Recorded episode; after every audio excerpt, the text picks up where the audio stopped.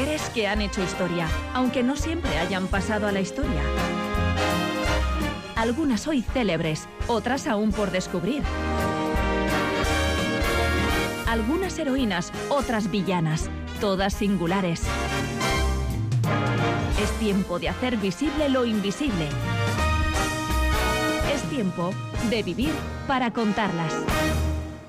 Dada la proximidad del Día Internacional de la Eliminación de la Violencia contra la Mujer, hoy recordamos la historia de las tres valerosas mujeres que dieron origen a tan triste pero necesaria reivindicación anual.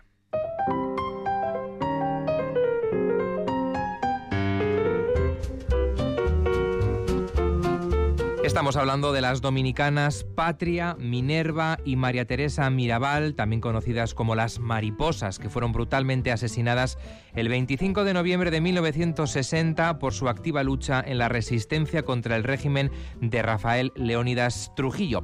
Edu Rebaz, ¿qué tal? Hola. Hola, muy bien. Si me matan, sacaré los brazos de la tumba y seré más fuerte. Esto lo dijo Minerva muy consciente de que su vida corría un serio peligro. Bueno, la de ella y la de sus hermanas.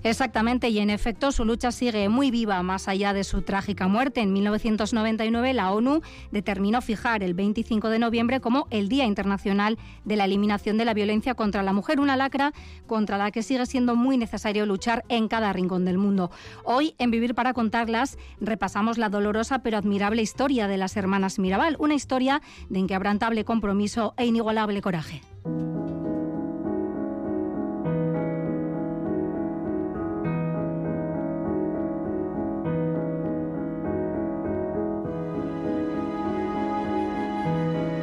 Patria, Adela, Minerva y María Teresa Mirabal se criaron en Ojo de Agua, una localidad rural del municipio de Salcedo, perteneciente a la provincia del mismo nombre, que en 2007 fue rebautizada en honor de nuestras protagonistas de hoy como Hermanas Mirabal. Vamos a esbozar algo sobre estas eh, cuatro hermanas.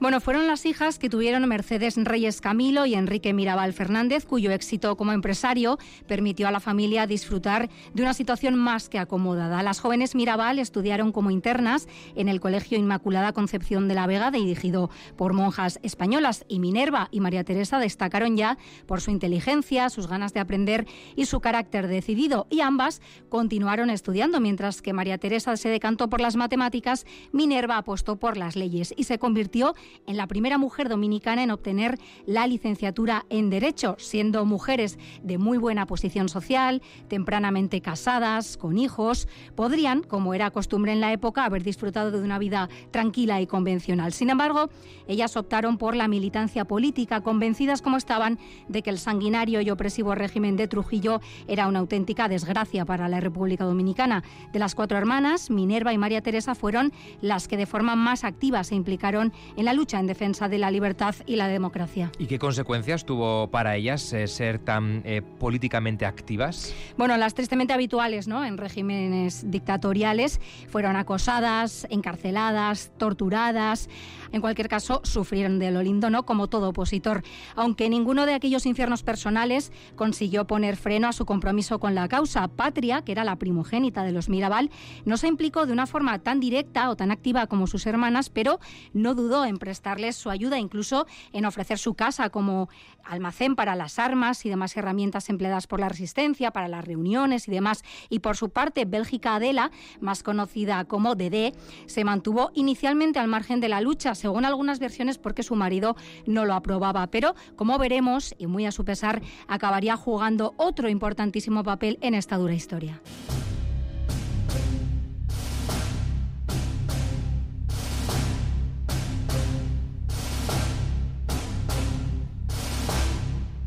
Nos situamos ahora en la llegada al poder de Rafael Leónidas Trujillo tras el golpe de Estado que como comandante en jefe del ejército dominicano eh, acometió en 1930. Todo esto supuso, bueno, lo primero es que despojó a la familia Mirabal de prácticamente todos sus bienes, ¿no? Es decir, como en toda dictadura, lo primero que hacen los sátrapas es, eh, bueno, primero la violencia, eh, la represión y luego también enriquecerse. Hacer caja, por supuesto. El codicioso y despiadado dictador, autoproclamado padre de la nueva patria, tomó el control de la economía y monopolizó la producción de sal, carne, arroz, tabaco, todo en su beneficio y en el de su familia, además de desposeer de sus bienes a quien estimara oportuno, ¿no? Y de rebautizarlo todo, desde la capital hasta el último parque, con su nombre.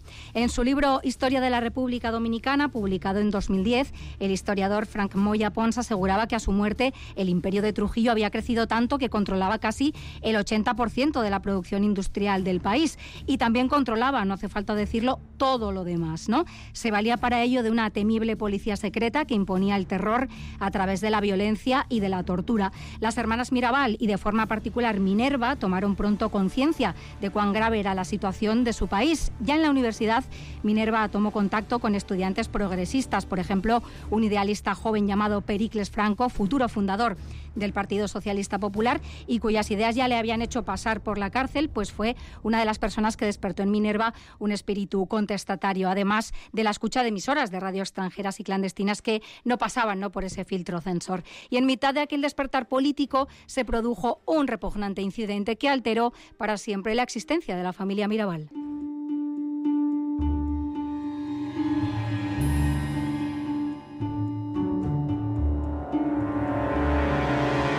Vamos a situarnos, por tanto, en ese mm, repugnante incidente, como tú lo llamas, porque lo es. Em, nos situamos. ¿eh? Trujillo se había encaprichado de Minerva, que era la tercera de las hermanas Mirabal, y para poder aproximarse a ella, se aseguró de que, acompañada por su familia, la bella joven acudiera a una fiesta que, en honor al generalísimo, se organizó en 1949. ¿Qué ocurrió en esa fiesta? Bueno, ganas de asistir no tenían, pero como imaginaréis, en un contexto así, uno tampoco tiene muchas opciones de declinar la oferta. Y de hecho, tal y como se afirma en el documental Nombre Secreto Mariposas, todas las familias tenían la obligación de entregarle a sus hijas, doncellas, antes de que se casaran. Este hombre tenía, por así decirlo, derecho de pernada, ¿no? Bueno, pues eh, la familia acudió a la fiesta y Minerva se vio obligada a bailar con Trujillo, que no dudó en desplegar las artimañas propias de cualquier depredador sexual. Pero ella, valerosa como ella era, y en tales circunstancias hay que decir que hacía falta mucho, mucho valor para hacer algo así, podías perder la vida, pues le dejó meridianamente claro que no tenía ningún interés en responder a sus burdas insinuaciones. Sobre este episodio existen diferentes versiones, ¿no? Sobre lo que ocurrió después. Sí, según alguna de ellas, el siguiente movimiento de Trujillo fue pues seguir insistiendo, invitar a Minerva a visitar su residencia en la playa y en esta ocasión ya para que ella entendiera, digamos, el carácter de su petición, envió a tal efecto a uno de sus siniestros esbirros como mensajero. Según otras versiones y también la de la propia familia, los militares a las órdenes del dictador detuvieron, y esto está comprobado, aquella misma noche o días después, a Minerva y a su padre. Y apuntan algunos, les ofrecieron la libertad a cambio de que Minerva se encontrara en la intimidad con Trujillo. No parece, según esta versión, que ella cediera a ese chantaje y a pesar de todo y sorprendentemente fueron puestos en libertad, lo cual resulta extraño porque hombres como Trujillo no suelen aceptar un no por respuesta, pero eso sí, para entonces esta familia estaba ya más que marcada.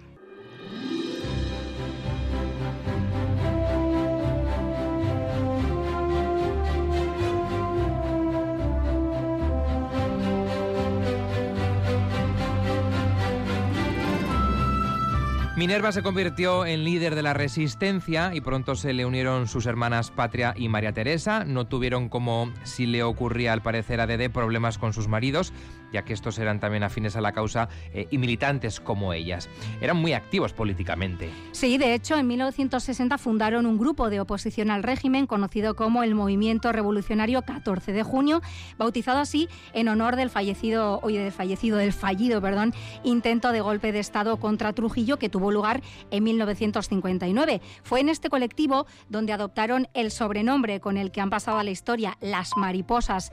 Aquel era el nombre en clave con el que Minerva y sus hermanas se identificaban en el seno de sus relaciones políticas clandestinas y es aún hoy en día un motivo que está presente en muchos hogares de la República Dominicana como símbolo de la defensa de la libertad y de la lucha por la igualdad de las mujeres. Muchos miembros de la resistencia fueron recurrentemente arrestados y cruelmente torturados por las huestes de Trujillo y la misma suerte corrieron, como ya adelantábamos, las hermanas Mirabal, además de sus respectivos maridos. Minerva y María Teresa habían sido juzgadas, al igual que sus esposos, por atentar contra la seguridad del Estado dominicano. Se les declaró culpables y fueron condenadas a tres años de prisión, pero en un extraño, aunque por supuesto intencionado gesto, por disposición expresa de Trujillo, fueron puestas en libertad. No así sus maridos, que siguieron en prisión. Y tras pasar por, eh, prisión, em, ¿de alguna forma replegaron alas? De ninguna manera. Nada de esto, nada de lo que pasaron, que no fue poco, por duro que resultara, debilitaba ¿no? el compromiso de las valerosas Mirabal, que, pese al incesante hostigamiento, siguieron adelante con sus acciones políticas contra el régimen.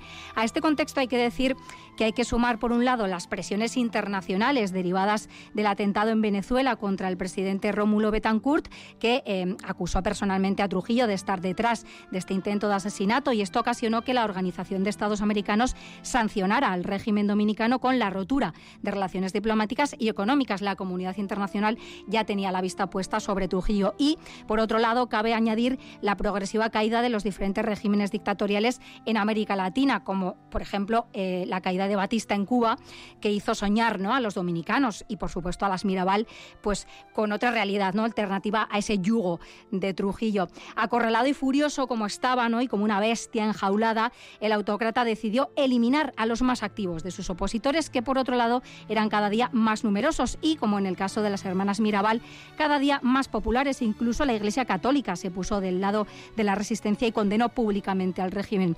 A los ojos del pueblo dominicano, las mariposas que eran madres de familia de día y activistas resistentes de noche, simbolizaban ya esa anhelada revolución.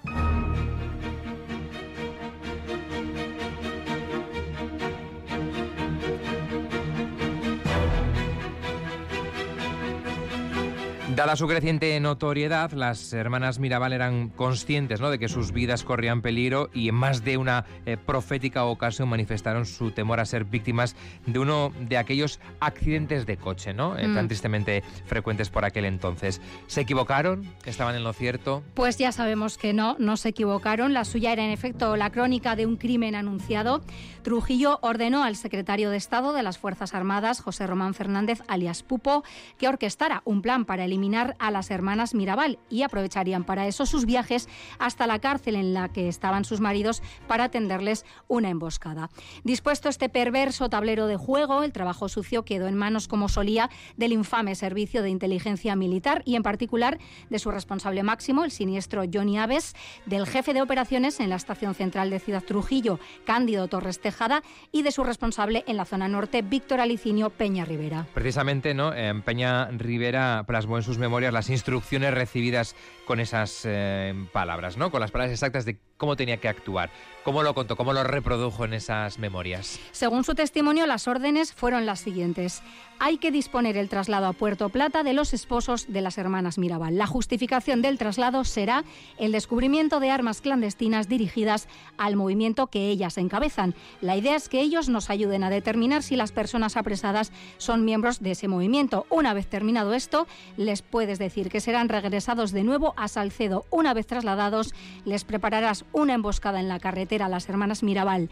Deben morir, se simulará un accidente automovilístico. Ese es el deseo del jefe un plan bien urdido y así se hizo, de hecho. Exactamente, el dispuesto Escuadrón de la Muerte lo dirigió el cabo de la Policía Nacional, Ciriaco de la Rosa, con un cuerpo ejecutor de cuatro agentes, Alfonso Cruz Valerio, Emilio Estrada Mayeta, Néstor Antonio Pérez Terrero y Ramón Emilio Rojas Lorca. El 18 de noviembre, el grupo volvió sin incumplir las órdenes, alegando que las hermanas Mirabal viajaban con niños. Cuatro días después regresaron con idéntico resultado y con idéntico argumento, pero el aciago 25 de noviembre de 1960, cuando ellas viajaban sin niños, acompañadas de su hermana Patria y del chofer Rufino de la Cruz, se ejecutó el macabro plan según lo dispuesto. Tras despedirse de sus respectivos maridos, las tres mujeres y el chofer partieron de vuelta a su hogar. En mitad del trayecto, el jeep en el que viajaban fue detenido por cuatro hombres que les cerraron el paso con un coche cruzado en mitad del puente de Marapicao. Y allí fueron obligados a montarse en ese vehículo y fueron trasladados. Hay aquí ya diferentes versiones, ¿no? Hasta la cumbre, donde se ubicaba la casa en la que les esperaba el capitán Peña Rivera. Una vez allí, el inclemente y vil oficial les habría entregado a sus hombres varios pañuelos de seda con los que ahorcar a las víctimas y ya moribundos fueron apaleados hasta la muerte. Según otras versiones, todo esto ocurrió en un cañaveral, pero cualquier caso el resultado fue tristemente el mismo. Sus cuerpos fueron posteriormente reintroducidos en el jeep en el que viajaban, con el que, tras arrojarlo al fondo de un barranco, ya se planeó simular ese accidente de tráfico. Así que la abyecta misión se había cumplido.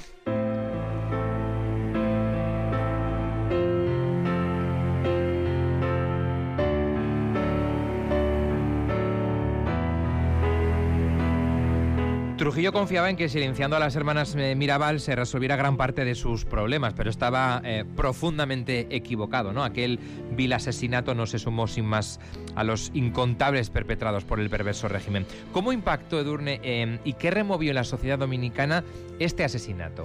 Bueno, aquel vil asesinato, como dices, fue ya la gota ¿no? que colmó el vaso. Fue el principio de la caída en desgracia del sanguinario tirano, tanto en lo político como en lo personal. La muerte de las comprometidas y ya célebres hermanas Mirabal alcanzó en la República Dominicana una repercusión con la que Trujillo parecía no contar. La nación, harta hasta la náusea tras soportar 30 años de represión, violencia, asesinatos y extrañas desapariciones, dijo hasta aquí hemos llegado. Rafael Leónidas Trujillo, también conocido como el jefe, el generalísimo, el chivo, el padre de la patria, el chapita por su desmedida y esperpéntica obsesión por colgarse con decoraciones que se autoconcedía él, la bestia negra halló la muerte, irónicamente, en una carretera.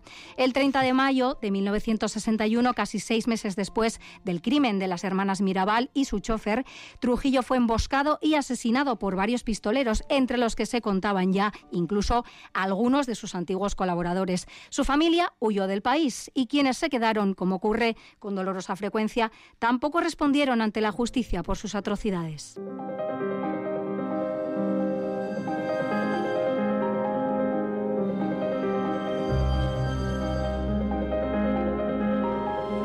Déjame recordar a nuestros oyentes que mm, eh, Vargas Llosa en la fiesta del Chivo se centra precisamente en ese mm, asesinato del dictador Rafael Trujillo, ¿no? En esa novela y las, eh, los dos puntos de vista, ¿no? Em, que supusieron eh, este asesinato, ¿no?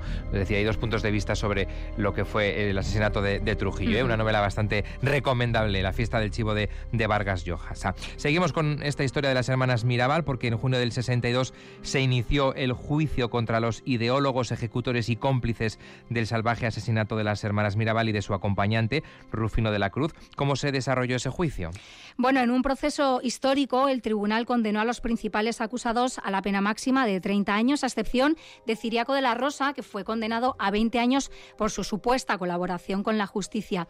Tuvo la desfachatez de afirmar durante el juicio que él había intentado evitar la tragedia, pero que no pudo porque, de lo contrario, los hubieran liquidado a todos. También decían los nazis. ¿eh? Claro, un poco la banalidad del mal, ¿no? De Hannah Arendt y todo aquello. Totalmente. Pues este intentó la misma jugada. Poco importaba, en cualquier caso, aquel baile de cifras en la condena porque ninguno de ellos pasó en prisión más de dos años. Escaparon en masa de la fortaleza Ozama aprovechando el levantamiento militar de la Revolución de Abril de 1965 y ya provistos de pasaportes se dispersaron para siempre. Tal y como denuncia la familia Mirabal, todos ellos fueron muriendo años después, tranquilamente, en sus casas, protegidos en algunos casos por el propio Estado.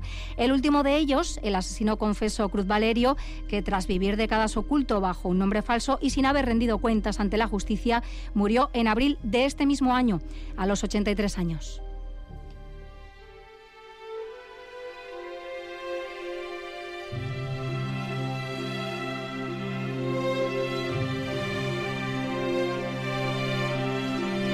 Se cumplen 61 años de este asesinato. En el momento mm, que ocurrió, Patria y Minerva, también María Teresa, tenían respectivamente 36, 34 y 25 años y dejaban tras de sí a seis niños huérfanos de madre. Brutal. Juntas descansan en Ojo de Agua, en las afueras de la ciudad de Salcedo, en la provincia hoy rebautizada, como decías, Hermanas Mirabal. El lugar en el que descansan asimismo los restos del también militante y luchador marido de Minerva, Manuel Aurelio Tavares Justo, se ha convertido en centro de peregrinaje. Allí, en el hogar familiar, se habilitó en su honor la Casa Museo Hermanas Mirabal, que conserva sus vestidos, sus muebles, la máquina de escribir de Minerva, las máquinas de coser de Patria y María Teresa, todo tal y como ellas lo dejaron. Y al frente, como guía de excepción, estuvo hasta su muerte en febrero de 2014 Dedé, la única de las hermanas Mirabal que sobrevivió al régimen de Trujillo y que dedicó su vida a mantener vivo el recuerdo de sus valerosas hermanas y a criar a sus sobrinos como a sus propios hijos. Parafraseando el título de este espacio, Dedé vivió para contarlas y lo hizo, entre otras cosas, en un libro titulado Vivas en su jardín, que fue publicado en 2009. Tras su partida son los hijos de las mariposas quienes han asumido la honrosa tarea de continuar con su legado, tanto al frente de la Casa Museo como a través de su actividad profesional en el campo de la política. Y como hemos dicho al inicio de ir para contarlas hoy, dedicado a las hermanas Mirabal, su historia desencadenó en la instauración en 1999 y a instancias de la ONU el Día Internacional de la Eliminación de la Violencia contra la Mujer, que se conmemora, como saben, cada 25 de noviembre. Su valentía sigue sirviéndonos de inspiración y recordándonos que la defensa del derecho a la educación, de la libertad, de la participación política de las mujeres y de la lucha contra la violencia machista sigue siendo más que necesaria. Si me matan, sacaré los brazos de la tumba y seré más fuerte. Esto lo adelantábamos ya, lo decía Minerva Mirabal siendo muy consciente de cuál podía ser probablemente su final. Y en efecto, su lucha, su fuerza y su sacrificio, incluso sin su presencia física, siguen vivas.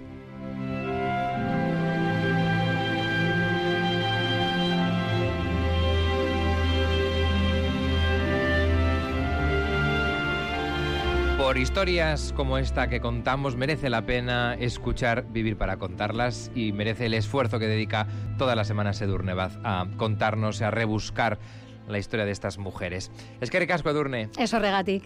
Ahora.